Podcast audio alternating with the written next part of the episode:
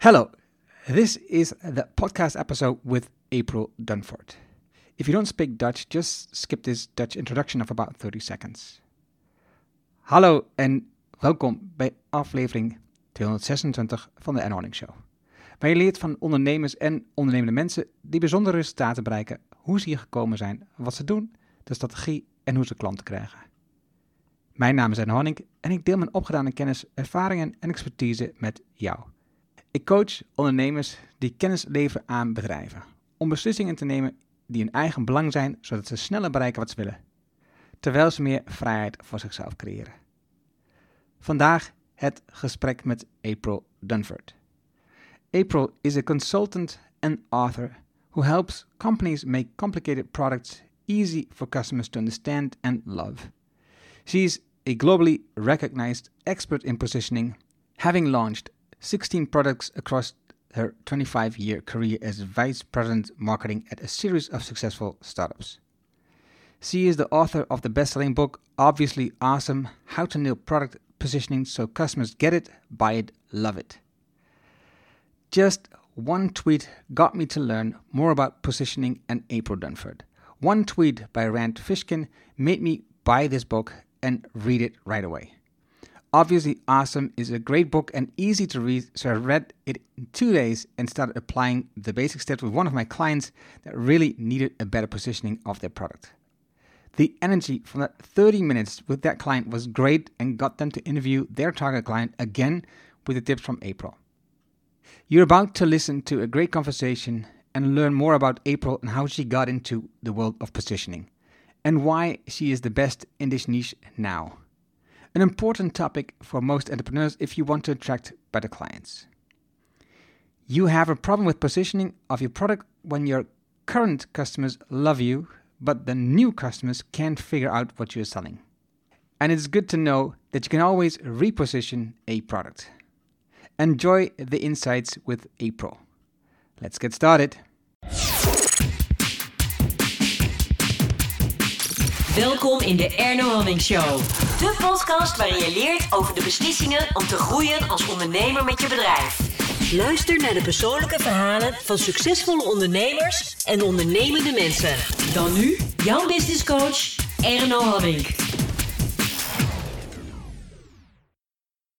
So, I've, I'm very glad um, that I'm following uh, uh, Rand Fishkin for a while now on Twitter and uh, everywhere um, because he announced at some point a book from a person that I didn't know before, but he was so enthusiastically on Twitter about this book that I had to buy it right away. So, so I did, and I learned about positioning, and I learned about the writer April Dunford. Welcome, April. Hey, it's great to be here. I, you know, I need to start paying Rand Fishkin some royalties or something. Uh, that's Thanks, what I Rand. thought. I, I, I thought the, the only thing that could happen from this when I just bought this from this one tweet, um, just right away I bought the book. I'm probably not the only one, so I, I guess there's a lot of people that bought the book just from this one too. There is, you know, he's got a really massive following on on Twitter. So it's it's funny, you know, you you you can look at your book sales. It's not totally accurate, but you can kind of see your book sales when people are talking about you online. And normally, you know, you you look at it and you say, hmm, I don't know if that really made a difference or not. But yeah, Rand recommending your book makes a difference. I can say that. yeah, and, I, and I'm, I'm not sure. It, it, I don't. He has a, a massive following, but I, I think the biggest part me that makes a difference is I trust him. I trust him completely. So when he says something, Yeah. it's really he's good. a smart guy. Yeah, that's what I mean. So, Yeah. so th- for me, that was also eye opening, and that if if you have people that trust you and that that, that uh, you know uh, endorse you, that endorse your book or or your work, that is really important for new people to get to know you. Yeah, that's cool. Okay, Yeah. so I've been um, uh, reading your book, and actually, I've also used it at a session with a client of mine already, um, but not the complete steps that you follow in the book, but part of it to make their positioning clear again. Because for me, it was all over the place, and they thought it was clear, but after that session, it was really Yeah. clear. So that was, it was really helpful for me. And positioning, I think I wrote it, I think post or in a tweet is it start the, the whole marketing starts with the right position of your product or your business, right? Mm-hmm. It, yeah, it's this kind of foundational concept, right? That that if you think about everything we do in marketing and sales, like think about you're making a marketing campaign, you want to run some online ads, or you want to create some content, or you want to do an email campaign, or even if you're thinking about things you do from a sales perspective, you know, I have salespeople and I want them to call some people to drum up some business. Like there's a fundamental set of inputs into any of those things. Like so if you came to me and said, "Hey April, you're my head of marketing and you know, let's do some advertising." I'd say, "Well, okay, fine. Uh, I need some information from you. I need to know um, who's your target market? So who are the customers you're actually trying to go get? And how is your product different and better?" Than anything else those people might choose. And so, and all of those things flow from your positioning. So, if you're not really clear on your key differentiators, if you're not really clear on even the competitive alternatives that your customers compare you to, then you're going to have a hard time answering those questions. Or you might answer those questions and your answers might be bad. And if those answers are bad, then it means the inputs to your marketing is bad, and that means the outputs are bad. And so you kind of got to get the positioning clear first before you can invest in any marketing or sales tactic and be feel good that it's actually going to work. The thing I see um, when I look at my clients and I look at small business um, in particular is that I would say 99% or you know, maybe that's a bit too much but 95% of them don't have the positioning very clear. They are not very clear of what makes their product different than from the businesses around products around. Do you see that do you see that same thing? Yeah yeah like it's it's actually totally common and across all businesses that they're not super super clear on it. And there's a few reasons for that. Like so one thing is that um, often inside the company we think about our competitors in a different way than our customers do. And so i see this a lot. Like i work as a positioning consultant and i work mainly with small tech companies. And so it's in a lot of startups you'll go out and you'll say hey so who's your competition? And they'll say oh we have a lot of competition you know and they'll list down like five or six little companies out in silicon valley that nobody's ever heard of. And they'll say oh yeah this is our competition and i'll say okay so what makes you different and better than that? And they'll say well you know their their products are really complicated to use and our big differentiator is ease of use. Like it takes 12 clicks to do something in theirs and in ours it only takes two. So we're the easy to use people. But then you go and you talk to their customers and you say hey like if these folks didn't exist what would you do? And the customer will say things like oh i don't know maybe i'd just use a spreadsheet or maybe i would hire an intern. And because and if you're gonna if your real competition is a spreadsheet or an intern you are literally never going to win on ease of use. Like that's the reason people pick those things. They're super easy to use. Like so you got to have some value versus the intern other than versus other software products if that's the if that's the comparison that your customers are doing. So that's the first thing. So how do because that's weird, right? Because you think of like me, I think of my competition are other business coaches, and right. and if I asked like if you ask the client, they probably said something completely different. They say, um, "Oh, that, then I would talk to another business owner, just you know, have some conversation with. I just meet up with somebody." Right. And um, but why is it that we are, if you are, if you build a product or created or have a product, that you have no correct idea of what the um, competition is? Well, I, you know, I think we naturally, um, it's natural for us to kind of look at it from our perspective instead of the customer's perspective. So, you know, in, in startups, what you'll get is, uh, you know, we're building a product and and we're building a software product. So we'll look at what the what other software products out there exist that look kind of like ours and say, oh, we can make something better than that. And then we'll build it and it's better than that. And I think it works the same way for consultants. You say, I'm a marketing consultant, and you'll look at all the other marketing consultants and say, oh, I could do better than that. You know, I, I'm different in these ways, and this is what I do. And so, and you'll talk that and you'll think that way. And I think it's natural for us to do that.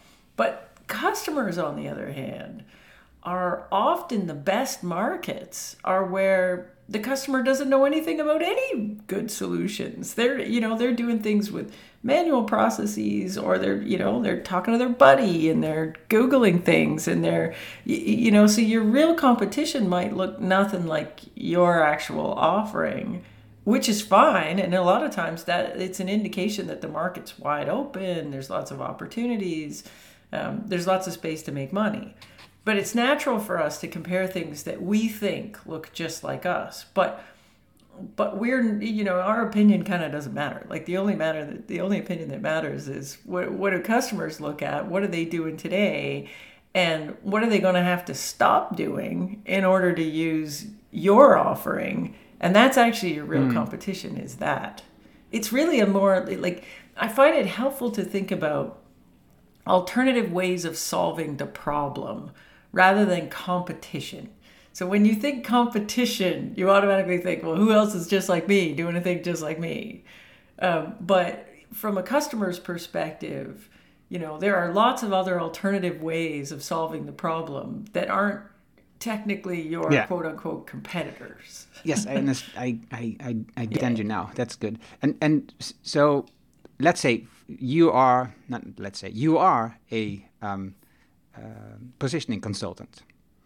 Who who is who is yeah. the other product or thing that the customer is using now to do their positioning? Yeah. So the, so my my competition is do nothing. that's my competition. but, and so But that's that's also very difficult. Oh, it's the worst. So the do nothing is the worst competition. Do nothing means that your target buyers do not know they have a problem. Therefore, they are not seeking to solve it. So do nothing is is often the worst uh, the worst competitor. It also means that often that your market's just not very mature. Like so because people don't understand they have a problem, they're not trying to solve it. And so what it means interestingly is your job is to not sell at the beginning anyways is to not sell your offer. Your job is to actually sell the problem. Hmm so if you look at the stuff I do to to drum up business, um, I you know I speak at a lot of conferences, and if you see me speak at a conference, you know the, the first half of my talk is all about, hey, you think you know what positioning is, but you actually have no clue. And oh, by the way, you're probably doing a crummy job of it. and and so what I what has to happen in my talks is the people in the audience need to look at it and a light bulb needs to go on where they go, oh man, I got that problem. I didn't know I had that problem, but I got it. And then they talk to me, and then I have to convince them that I have a decent solution for it. So it's it's it's kind of terrible in a way and it requires that you have a way of getting your clients to this kind of aha moment where they go oh dang it. I didn't know i had that problem and now i know i got it. So for me that's like speaking at conferences. I have this book out now and and then and then i get a lot of business from personal referrals where i've managed to get the client to the light bulb moment they've worked with me and mm then they're out talking to their friends saying and their friend says oh I, you know i've got this i've got all these problems in my business and this is what it looks like and their friend says oh i had that and it turned out i had this positioning thing and you should talk to this gal and, and um, because yeah. speaking um, thing that that is kind of uh, a point for me as well because i understand it is important that you um, teach the world about the issues that they have that they don't know. But but also at some point it looks like you're in the speaking yeah. business and not in the positioning business anymore. Well, that's kind of hilarious because you know I get that a lot where people say like you must be like a professional public speaker, and I'm like no. in fact, the the majority of the time that I speak, I don't get paid. Like I do sometimes, but um, you know, because it is an incredible time suck. And now that I'm getting a little more famous, you know, I get asked to speak and they pay me. But, you know, in the early days of my business, I never got paid to speak. And, and I was happy to do it because it's lead generation for me. So, hmm. you know, and the trick is though, like as a consultant, you have to make sure you're clear on what your business is. Like there are lots of people in, on the planet that that are just public speakers and they get paid to speak in public and they don't they're not trying to sell consulting maybe they got a book but you know they're what they're doing is their business. But for the majority of people you see speaking at smaller conferences um, they can't really make a living off that because a lot of the smaller conferences don't pay or if they do pay they don't pay very much and you'd have to do a lot of them in a year to make enough money to, to live. So a lot of the folks you see speaking at conferences are actually in the business of doing something else. So, you know, in my case, I'm talking to people about positioning because I need them to understand it in order for them to want to seek out my services. Other people you see on stage are like me, they're either consultants, so they have something going on, or they, you know, they work at a company that sells a product or a service and they're they're evangelizing whatever it is that their audience needs to understand in order to want to buy their stuff. And it's a weird thing that people assume that everybody speaking at a conference is getting paid and is some kind of pro speaker but that's actually pretty rare at least for the conferences that small businesses go to. Okay good to know. I don't want to follow that path then. Yeah. Yeah I'll stick to the path of uh, getting referrals from the existing clients because I think that is um, a lot easier and a lot less work. Uh, well, you know, I think it's one of these things. Like, like if you're good at public speaking, it's a th- you know it's it's one of the things you might want to explore but you don't have to do it like you know there's there's millions of consultants on the planets that don't do public speaking for me i'm you know, I'm somewhat known as a speaker already, and it's partly because I've always been in marketing. So, you know, I've always been repping a product or doing something. And so I've been on stage a lot across my career. And then I've had training and, you know, so I'm an okay public speaker. I'm fairly good at it. So it's one of the things that I can do because people will ask me to speak and I get asked to speak. And then I show up and I do a fairly good job. So they ask me to speak right. some more. so, so for me, it, it's a it's a good lead generation thing for me to get up and speak about it. The other thing is that it's it, it's an efficient way for me to get in front of like I mainly sell to CEOs of tech companies and a really easy way to get in front of 200 CEOs at tech companies is to go speak at a conference full right. of CEOs of tech companies. And so that it would be a lot easier to do that than to try and buy you know i can't buy advertising. People don't no, even no. know they have the problem. Like, yeah. like what would i advertise? Like so you know there's there's there's only a few things i could do to efficiently get folks in the door and speaking yeah i was just talking to a person who on twitter said i'm at this stage in my company and i need some help and i don't know what kind of help. And um, so I called him and and and we talked a bit, and I said, "Well, I what do you do? I said, well, I, am a business coach. Actually, does my I don't like it, but it seems to be the title that most people understand, at least a bit what you do. And he says, well, th- th- I have the same issue. If I look for somebody who can help me with this issue, um, i probably be just searching for a business coach at the moment, even if I don't think that a business coach is the right person to help me, because most of business coaches focus on getting more sales, and that's not what I need. Right. so it is sometimes it's weird to find the right title for what you do, and um, and people are not looking for that title or the solution that you are selling. Yeah. So you have to find the right words that people are using. Your clients. Okay, so let's um, That's right. bit back in your history, April, because um, the, the, the funny thing that I found is you've been uh, having a degree in uh, system design engineering from the University of Waterloo. Yeah, that's my that was my thing.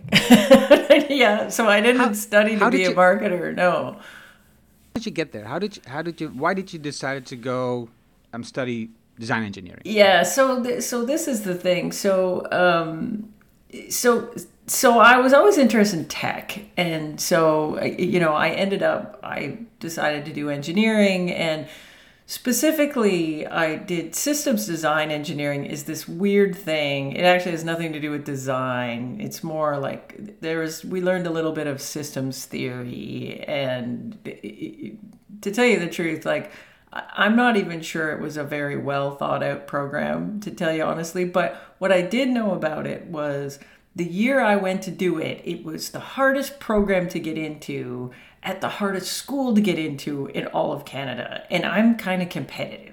So that's why I was like, if I'm going to go take a techie degree, I'm going to take the best one. And this is the best one. So that's how I ended up in systems design. And then, um, and so I didn't have a super clear idea of what I wanted to do when I get out. I just thought tech was interesting and to me, and you know, I'm I got really good marks in math and science, so this is what I'm going to go do. So when I finished, I wasn't super clear on what I wanted to do. I, I had a couple ideas of things I didn't want to do. Like I didn't want to compete with progr- for programming jobs with the people in my class because some of them were totally rock star programmers. And like I said before, I'm kind of competitive, so I was like, I don't think I could beat them in that. So I'm, not going to go do that. You know, even though we all had to be pretty good programmers to graduate, but, you know, I just wasn't as good as them. So I thought, okay, I'm not going to do that. Plus, I thought, you know, my strengths were a bit more on the a bit more on the communication side. Like, you know, when we did group projects, I was the person that always presented because I wasn't afraid of public speaking. So, anyways, I got a job just by luck at a startup, and this was ages ago. Startups weren't even cool. We just called them small tech companies.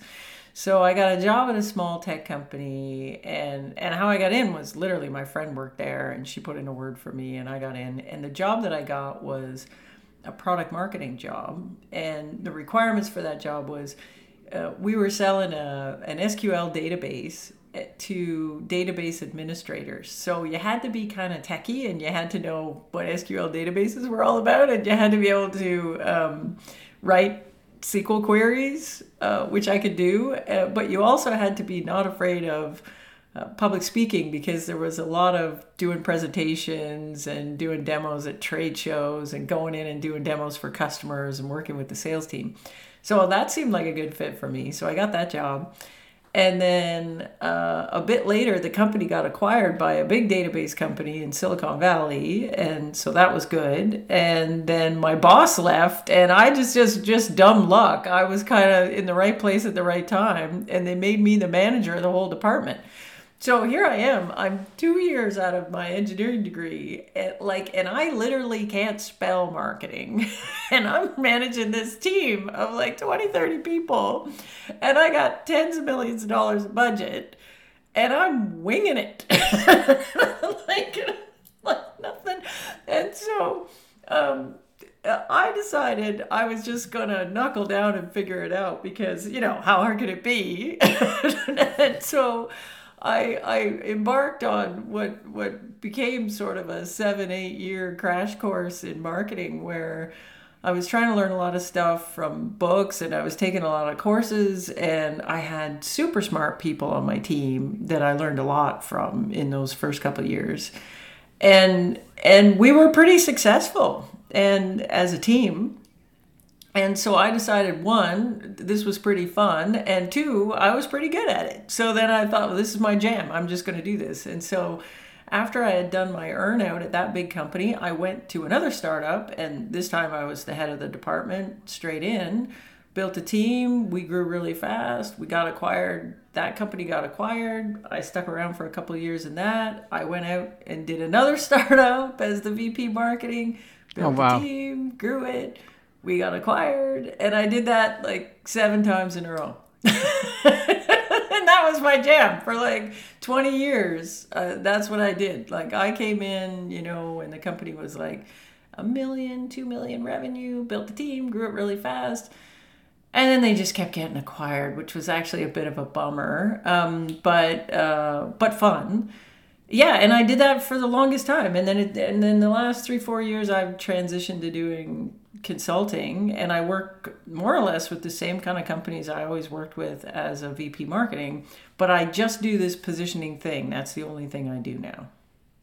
So yeah, it's been a weird road. Like it's you know, if you went back and talked to like me getting into university and, and had told me this is the way this thing was going to work out, I would have said you were nuts. well, I think I think that's that's a very common thing. I I I've been also educated technically telecommunications, and um, we also did programming, but I and I loved it. But I also uh, felt scared because I I started programming. It, it, always took me way longer than I wanted to. So I spent so much time behind the computer. I said this is not what I want to do for full time. And so it was not like you. You say I, other people are more are better than me. I was just afraid of how many hours I would just spend programming because yeah. I thought it was so much fun. And I, I thought, okay, why don't I um, go around the area where I'm connected at one part to the clients and at the other part with the technical in the company. So also like a middleman. So I grew from like a project coordinator um, into uh, uh, sales marketing, and then I work for myself, like also yeah. 13 years or something. So it sounds very similar, and also um, I, am interested because before you said we got it quite and, and and it was like a bummer and also it was fun so what what was the bummer on this well situation? yeah like everybody part? assumes that an acquisition is good and in my experience it is and it isn't right so it's and a lot of times it's more isn't than is. So what, why so why? yeah so a handful of things. So one is you joined the company because you believed in the mission and you liked the people and you know and you're part of this executive team and you're all pulling together to accomplish this bigger goal which is like we're going to change the world and do this thing. And generally after you get acquired all that goes away. All of it like like all of it like in a lot of cases your mission changes completely. Um, your offering often becomes a small thing in amongst an, you know some kind of bigger offering that is a completely different mission that you may or may not be excited about. That's one thing. Second thing is uh, you get new bosses and you might not like those bosses. In fact, you might not. If they had posted a job, you probably weren't going to apply for it because it wasn't even a job you even wanted. So now you got a job that you didn't apply for, you didn't choose to get, you but you just have it. and then and then there's all sorts of other things like the um, the process of integrating into a new company is often painful. Like the the culture is different, the way they do stuff is different. You're generally a smaller company. The company you're getting absorbed by is a big company, so there's a lot of big company process and everything feels kind of slow and there's you know like i worked for a little startup and uh, we got acquired by a big company in the valley mm-hmm. called Siebel. And the CEO was this guy, Tom Siebel, who at this point is like a billionaire and he flies around in a helicopter, drives a really fancy sports car, and all that stuff, right? So we're 8,000 people the whole company. And so our little company, which was like 150 people or something, we get acquired. So we're now part of that. I became the head of marketing for a division, like a pretty big division. We did 800 million in my division. So it was kind of a nice, fancy job. But, eh, eh, you know, the first thing that struck me after the acquisition was how painful, really simple things like things that I would have done at the startup that were really simple were super painful at this company. So we were going to do a trade show. And part of the deal with going to the trade show was we would we would bring some print collateral, like some brochures. So I ha- I go to my boss and I say, "Hey, I got to get some brochures. What's our process here to order them?" And they said, "Oh, we got this system and you put your request in the system, whatever. And I said, look, this trade show is like three months away. When should I do that? And he says, oh, you should do it now because, you know, it is, sometimes it takes three months to get through the system, whatever. And I'm like, okay. So I put the thing in the system. And when you hit like submit, it, it builds this thing and it tells you how many, where, you know, where your thing is in the prof- process of getting approvals. And there were eight levels of approval and I was ordering a $30 box of brochures. and I was like, why does this take eight levels of approvals? This is comical. And when I looked at the eight levels of approvals, the last level of approval was Tom Siebel. so I went back to my boss and I said, My dude, are you telling me that the billionaire has to approve my $30 box of brochures? And he goes, Yeah, yeah, it's kind of stupid, but that's just sort of the way it works. And I said, So what is the likelihood I'm going to get this before the trade show comes? And he says, pretty much zero. Yeah you know and so i so i went to oh. the trade show with no brochures. And literally nine months later this box of brochures showed up. And all the people that had been at Siebel for a long time were all making fun of me. They're like oh that's a rookie move man. You should have ordered like 200 brochures and kept them spare ones under your desk. Because that's what you got to do. Because you know it takes so long to get approvals. And so it's stuff like that that you're like you know what? I don't want to work at a company like that. But um but i don't have a choice because we just got acquired. The other thing is that um, it, everybody believes that if you work at a tech startup you'll have all these options.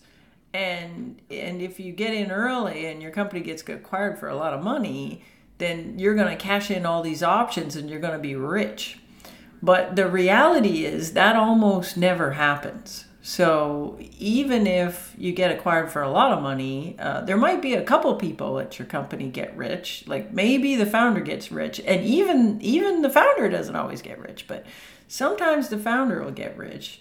But a lot of times, because of the way share preferences work and, and the, the way the actual acquisition gets done, and the way if it's a publicly traded company, there'll be lockup and all these other rules. And so, you know, I've had ones where I got acquired, and the day that the acquisition happened, I basically pulled out my calculator and did the math on my options, and I was like, whoo, I'm spending the rest of my life on a beach.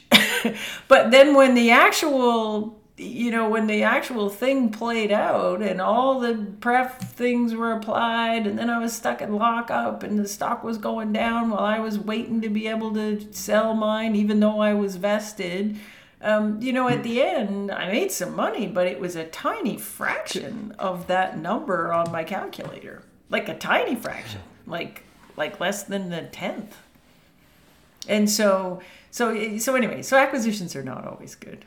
I, I always some of them I wish that we had to just tried stuck it out and become a big company ourselves. Yeah. Well, if you're 150 people, already sounds like not a small company anymore. Yeah, well, we were getting there, but well, I don't know. You can never predict the future, right? Like some of these companies, if we didn't get acquired, maybe we would have gone out of business. Who knows? In some yeah. cases, I think that would have happened. That you know, we couldn't scale forever. Mm-hmm. But but yeah, it's just they're not always you don't have much control over it when it happens it happens, but you're not always happy when it does. so now that you're an independent consultant, is that is is that also the, the feeling of freedom that is is making it worthwhile? Uh, yeah. So you know, I, I I never wanted to do consulting early in my career. That kind of wasn't a goal. Like I like being hands on and stuff. I like being part of a team. Um, I like the whole vibe of a startup. There's there's a whole bunch of us, and we're, we're working really hard at doing a thing that we think is really important. And you don't get all that stuff in the same way when you're a consultant. But at the same time, I do feel like I had reached a point in my career where one, I wanted to do something different. Like I had you know, I had kind of done the same job over and over seven times. And so, you know, maybe you want to do something different. And um, it, yeah, and I also got to this point where I felt like I wanted to have a bit more control over my own, over my time, over my kind of destiny. I also felt like, um, you know, you get to a point where you're really, really senior and you're really good at the thing that mm. you do and and there's pieces of it that you're amazing at and what i love about consulting or at least the consulting i'm doing is i get to peel off this one little piece that it is going to sound arrogant and, and exaggerated or whatever, but I'm literally the best person on the planet. Like, if you are a B2B tech company of a certain size, there is nobody that knows this positioning thing on the planet better than me. And and I can say that with great confidence. There's nobody that's done as many repositionings as me. There's there's nobody that understands this thing to the depth that I do. And so there's this great satisfaction in being able to carefully choose your clients and then to also know that there is nobody better to help them. And i feel very confident when i take someone on as a client that we're going to do some good stuff together. And so it's it's it's not only great work and fun work it's also really satisfying. Like you get to focus on this thing that you're just a rock star at and then be really choosy about your clients and just do your rock star thing. And so this stage of my career feels a little bit like a, like a gift. Like it feels a little bit like the thing that I am privileged to be able to do. And I, I had to do the 30 years before that to get to the point where I could do this really well. And, but now that I'm doing this, I think this is a very good use of my time. And I would like to do this uh, for the rest of my working life. I, I fully understand what you're saying. And I also think that um, you did the same thing seven times, and you've got so much knowledge uh, in that time. Like I said, you are the best in your um, universe, and um, I think I think that it is is a much better spend time from you from there on to be a consultant because then you can help a lot more companies than if totally. every time you start with a new company. Yeah, like that that's exactly it, right? And and again, it's just it's different work. There's pluses and minuses to it. And like I would say the biggest drawback is that um I, I, there's two things I really miss. One thing I miss being part of a team, and I miss that feeling of you know we're all on a team and we're working on this thing, and it's you know there's this great thing in startups about the mission and we're all doing this thing and it's really hard and there's this great team thing that happens when Energy. you're part of a team like that or at least the good ones. Um, so i miss that a little bit. Um, you know and i try to make up for that with you know i work out of a co-working space most days and you know i gotta go find community in other ways because i don't get that at work the way i used to. Um, and then the second thing that that that bugs me and I'm trying to figure out how to handle it in my own consulting business which is which is one of my thinking points for 2020 is I would like to be more involved in the follow through because the thing about positioning is is it's very hard to get unstuck on the positioning piece. But once you get unstuck there's some magic that happens that everything downstream looks a lot easier. But it's not when I say easier it mm. is hmm. not easy. And so I do miss the you know being part of the execution piece where it's like okay now we've got it unstuck now we got the thing now we're going to go run with it and so some companies if they're you know if they're bigger and they and they can afford it or if they're really light on marketing talent inside the company we figure out a way to work together longer term like and so that I can be more involved in the actual execution of the positioning downstream. A lot of startups don't need that help because they've got the right people on the team. And, you know, and the big thing I've helped them do is get unstuck and get the team in alignment, but they've got the right skills on the team to go run with it, and they literally don't need me.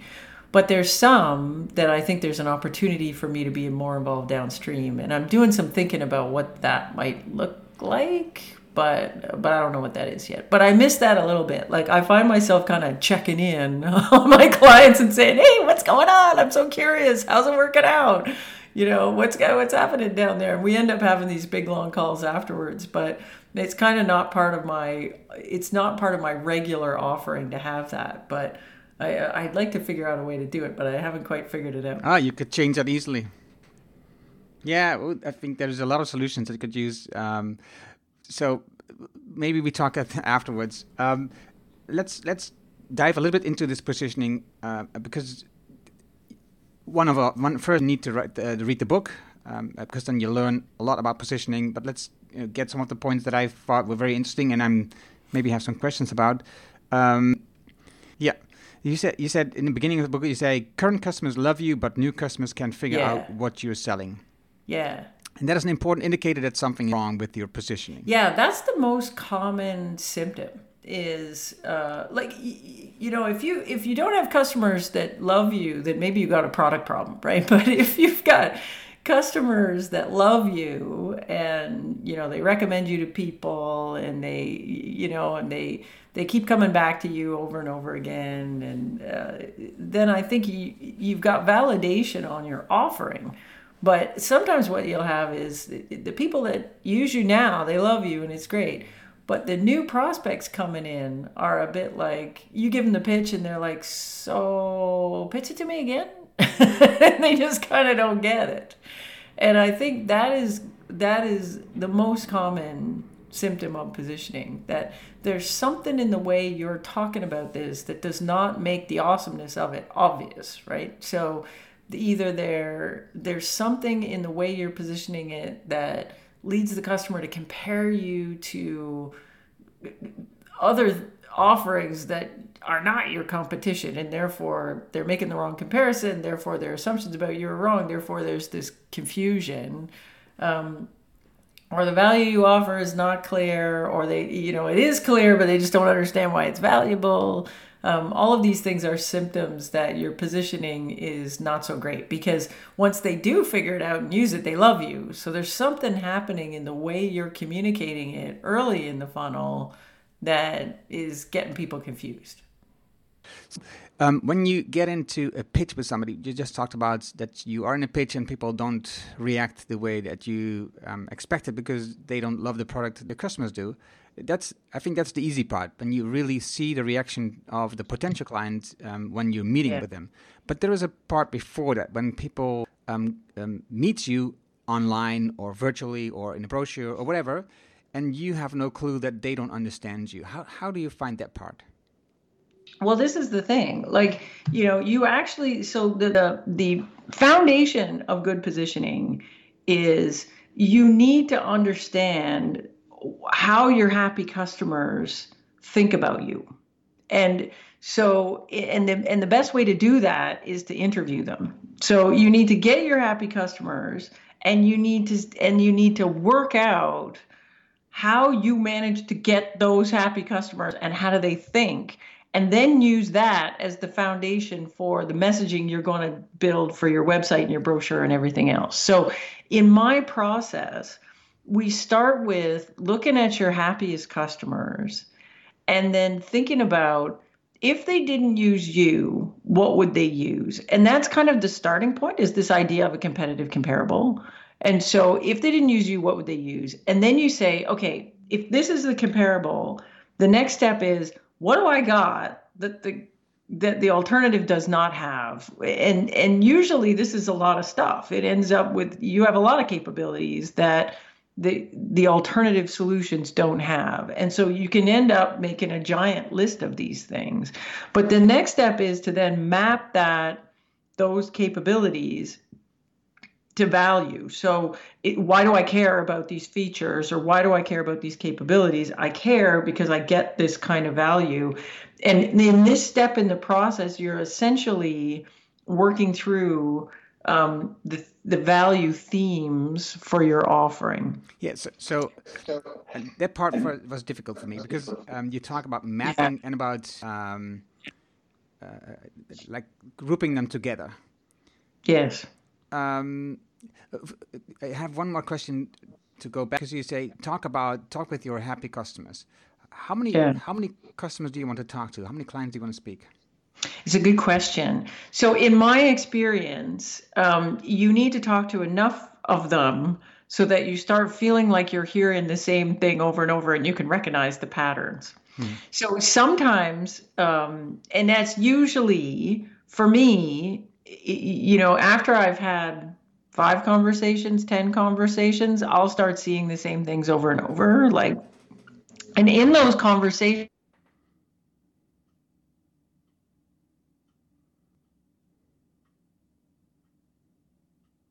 world that made you all of a sudden want to go out looking for a solution to this. And then once you did decide you were looking for a solution, what else did you look at? You looked at me, but what else did you look at?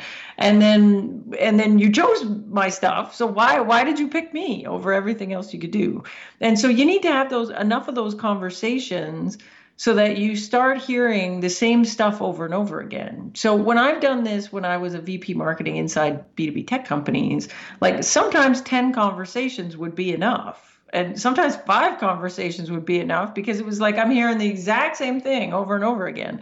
Sometimes you'll do it in your first four or five conversations. You'll be like, I don't know, man, these are all sounding kind of different.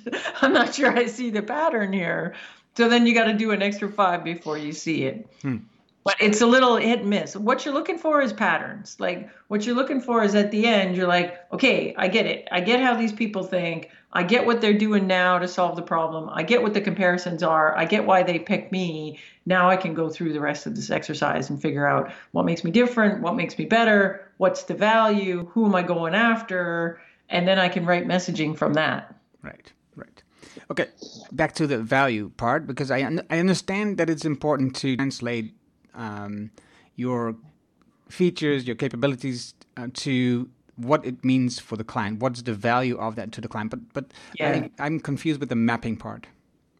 Yeah. So you know, and it's it's maybe something that's that's easier to think about if you're thinking about an actual product rather than a service mm-hmm. but like say for example you know i've got a i've got a tech product and what it does is invoicing and and it's it's invoicing for a certain kind of like let's say it's invoicing for uh, dry cleaner mm-hmm. so I, that's my product and so my comparable is you're just going to do that in word and send out word documents so uh, then I would list this big bunch of features. And one feature is, well, I can save a client profile so that the next time I don't have to retype that in. That's one feature. You, you don't have that in Word. Two, um, I can set something up to automatically re-invoice my clients. I don't have that in Word. Um, I can say I can automatically add tax and calculate the tax. Uh, I can, uh, and then there's a bunch of things where I can uh, like see if the person has received my invoice and then if the person pays i get i get notified that they're paid. So i got a whole bunch of lists like that. So mm-hmm. then i go through the list and i say so what for each of those things? Right? So okay i can save a profile. So what? Why do i care about saving a profile? Well it saves me time and i make less errors and so huh then the next thing on my list is uh, I can automatically calculate the tax. Well, that's the same thing. It saves me time and I can make less errors. I'm starting to see a theme here. Right? right. And then then I've got other features that are not so much about saving time and reducing errors, but they're more about making sure I get paid. right. so uh, tracking payments. So I might have one value theme that says save time and and whatever, and another one that's that says you know get paid faster and and don't miss a payment. And and it's all about making more money. Yeah. And those would be my value themes. And so when i build messaging out of this stuff i can say look uh, you know here's what i am. I'm invoicing for dry cleaners. And here's what i do. One i make sure you get paid and here's the three four ways i do that right? I you know and you can see when the, they've sent the thing out. They can see when they've made a payment. You can send them reminders to make a payment all that stuff. Number two value thing i do i save you a lot of time and i and you'll make fewer errors. And and how do we do that? Well i do this by saving the profile. I do this by whatever. And then i list my features. The, the, the critical thing is to understand the value themes so that you know how to talk about your features so that you're not just barfing out a great big list of features and, and talking about each feature. What you want to do is talk about the value you deliver and the set of features that enable that mm-hmm. value. Mm-hmm. Got it. That's that now I now I understand this. So this is great.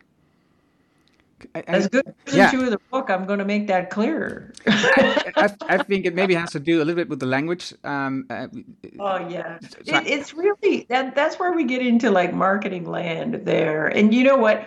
When I was writing the book, I had to rewrite that a lot of times because marketing people we're used to talking about you know features versus benefit versus value. Yeah. Whereas non-marketing folks, that's a hard leap to me to make.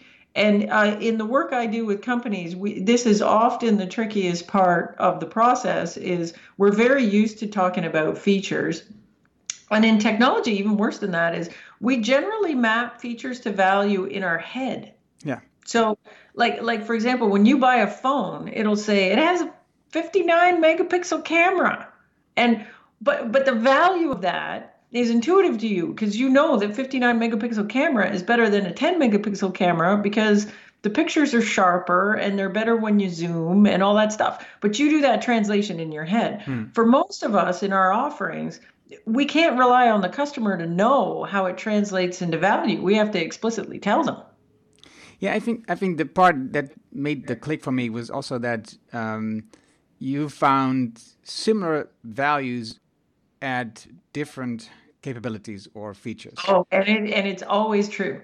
So when I do these exercises, and I've done like dozens of these now, like maybe a hundred in the last year and a half, and in every single one, we almost never end up with more than three big value buckets. Sometimes we'll end up with some minor ones, but you know what? Your customer can't remember a thousand things. Hmm. So usually what you've got is two to three big value themes, and pretty much all your cool features can fit underneath two or three value themes. Yeah, love it. That's that's great. Okay, then you have four or five. So customer that care and markets that you win. Yeah. So that so the last bit is, you know, you deliver this value.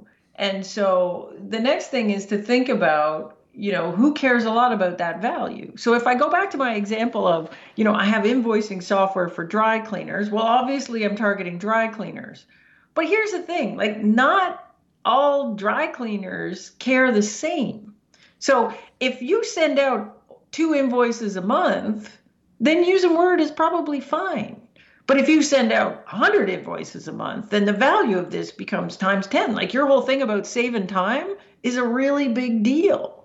And your whole thing about, you know, making sure you get paid, it's a big deal because it's confusing. You're sending thousands of these things a month, let's say. So it's where you start saying, look, this is the value we provide.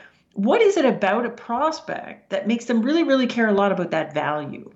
And so it's where you get into more fine tuning your segmentation. Like you could go sell to any dry cleaner, but you you'll sell a lot easier and a lot faster if you just target the ones that really send a lot of invoices. Or, you know, and then another thing, maybe some of them already have an invoicing solution. If they do, then it'd be hard to get them to switch. So let's not bother trying to sell those guys yet. And so it's all of that. It's thinking about how do I tell if a prospect is a really, really good fit and therefore super easy for me to close. That's what that bit is all about. Yeah. And, and that's your customers who care. And then the last one is this idea of market category. So you know it's the it's the you know a lot of offerings could be positioned in completely different markets but you would think about them differently if they were positioned differently. So for example there isn't a lot of difference between email and chat. It's a lot the same. But if i tell you my solution is email then it comes with a bunch of expectations. You expect me to have a calendar you expect me to have an inbox. You expect me to do uh, spam filtering. If I position it as chat, you don't expect any of those things. You expect completely different things. You expect it to be real time. You expect me to have read receipts. Uh, you expect me to automatically import contacts somehow. And so, even though a product could be positioned as either one of those things, picking which one is super important because the expectations around features are different the the competitive comparables you're going to invoke are different and you even you even end up with different expectations around things like pricing.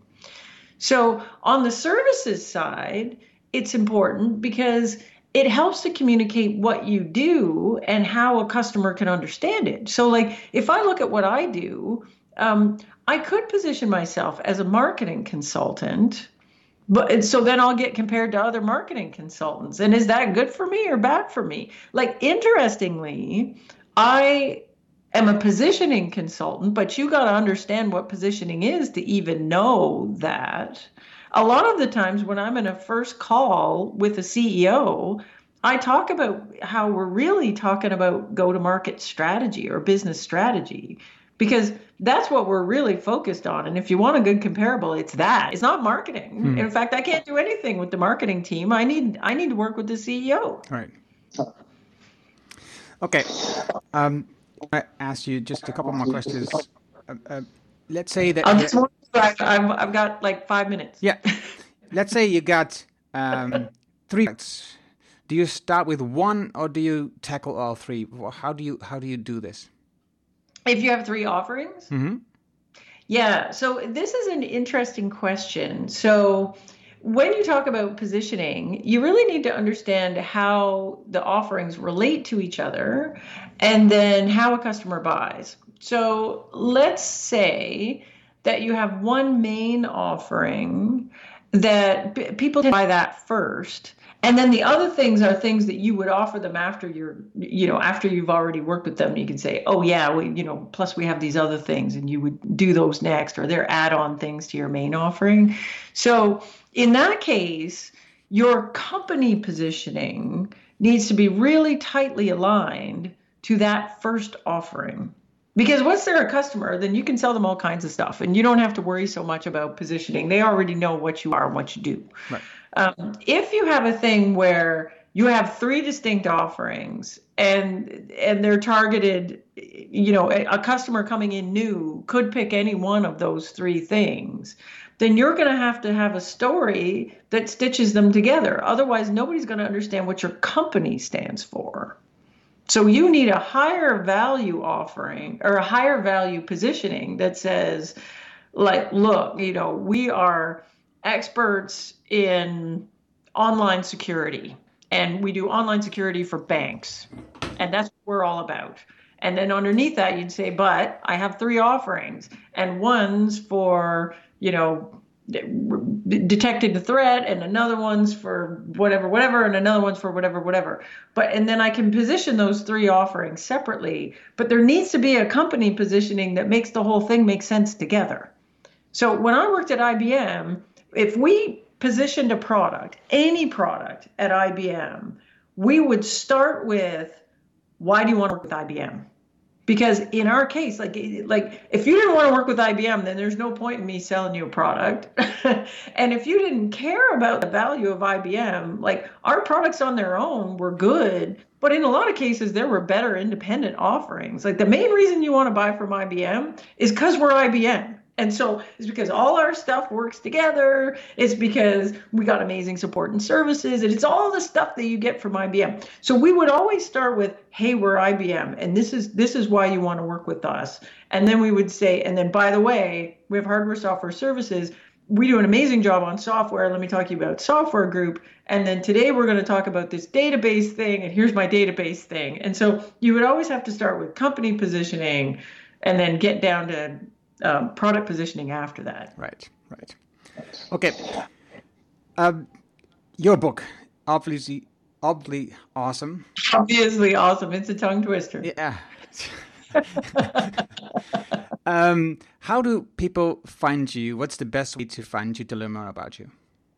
Uh, yeah, so um, so I have a website. It's aprildunford.com. You could go there. Um, but the, the the book is kind of the easiest way if you want to learn more about this stuff. Um, and it's available on Amazon, and it's is pretty cheap, and it's designed to be a fast read. Like I talked to a lot of CEOs when I was writing this book, and the the common thing that I heard was that CEOs don't have time to read. They want to read but they they want to be able to read it on a two hour plane ride or a three hour plane ride. So I kept chopping the book down until it was small enough that you could finish it on a three hour plane yeah, ride. But, and it really works.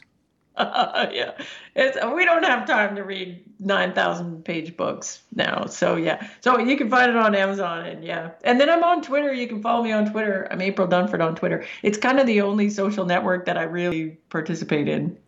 No, I think I think the part that you really got right is um, getting to the core of positioning and laying out the foundation, the steps that you need to follow, because. Um, a lot of books that you read, um, in, in, in one or two chapters, the core is there, and then the rest is um, all kind of explanation and stories and whatever. But Yeah, I'll tell you, it's the book business is stupid. That's why. Like I book people, I talk to them and they're like, "Oh, it's got to be this many words and it's got to be." And I'm like, "Why?" Yeah. And it's a leftover thing from people buying physical books at the bookstore that the spine needed to be fat enough to put your title on in great big font. yeah, That's literally it. And so people are writing books with all this fluff and extra stuff, and they repeat the same thing over and over again. And I was like, my people have no time for this. yeah. And even if, if if you're not a big CEO of a big company, I think it's a really great book to read fast and and and and understand how the importance is of positioning and how you can look again at your product and you learn the basic steps that you need to do uh, to to understand to do it yourself. Um, and I, I'm glad you appreciated that because Yeah. that was very thoughtful. Like I spend a lot of time on that with the book. That I was like, you know what? Some people write books and they don't care if anyone's going to read it or not. Like I talked to a guy who's a best-selling author, and he said, "Look, April, nobody reads book. It doesn't matter." And I was like, "Well, it matters to me, man."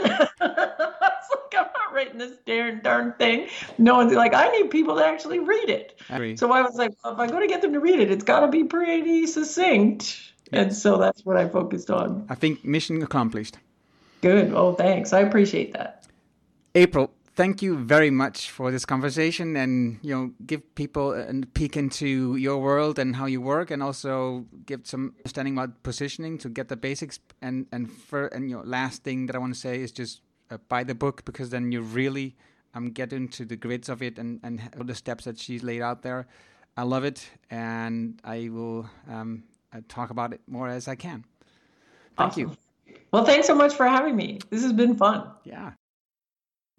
Dat was het leerzame en gave gesprek met April. Je vindt de namen en links die we noemden in het artikel dat bij deze uitzending hoort. Ga daarvoor naar ernhorning.nl slash show 226. Wil je vanzelf automatisch de volgende afleveringen van deze podcast op jouw telefoon krijgen, zodat je makkelijk kunt luisteren? Heb je een iPhone, dan is het eenvoudig, want er zit standaard de Apple Podcast app op. Je zoekt met het vergrootglas de Horning Show op en klikt op het plusje om te abonneren. Heb je een Android-telefoon, dan is het ook niet ingewikkeld. Je installeert een app zoals bijvoorbeeld de Player FM app, zoekt daar de Horning Show op en klik op abonneren. En vanaf dat moment krijg je vanzelf de laatste, de nieuwste aflevering op telefoon. Dankjewel hiervoor. Heb je vragen, reacties, opmerkingen over deze aflevering met April of, of de podcast in het algemeen? Stuur dan een e-mail naar podcast.ernhorning.nl. Ik hoor super graag van jou. Wil je weten hoe je meer rust krijgt terwijl je er geen tijd voor hebt? Wil je leren hoe je ruimte vrijmaakt om meer te werken aan je bedrijf in plaats van in je bedrijf? Hoe je het netto resultaat van je bedrijf verhoogt zonder harder te werken? Vraag dan het gratis boek Beter Beslissingen, Beter Bedrijf aan op erdoorning.nl. Dit is mijn nieuwste boek en je krijgt het helemaal gratis. Zeker als je de digitale versie downloadt van mijn site. Wil je het fysieke boek, de papieren versie, die is ook gratis. Je betaalt dan alleen de verzendkosten. Vraag jouw boek nu aan op erdoorning.nl. En het is geen dik boek, je leest het in één avond uit. Dankjewel voor het luisteren en graag tot de volgende. Dankjewel voor het luisteren naar de Erno Hanning Show op ernohanning.nl.